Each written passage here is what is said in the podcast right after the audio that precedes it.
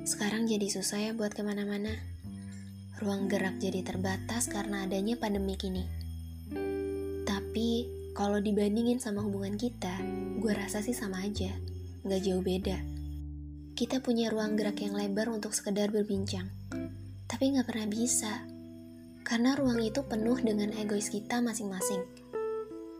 Bahkan untuk sekedar memulai percakapan aja harus nyari apa topik yang bakal diobrolin itu bakal bertahan lama atau enggak. Sedih ya, tapi ya gimana lagi, memang begitu kan adanya. Eh bentar, kok kita sih ngomongnya?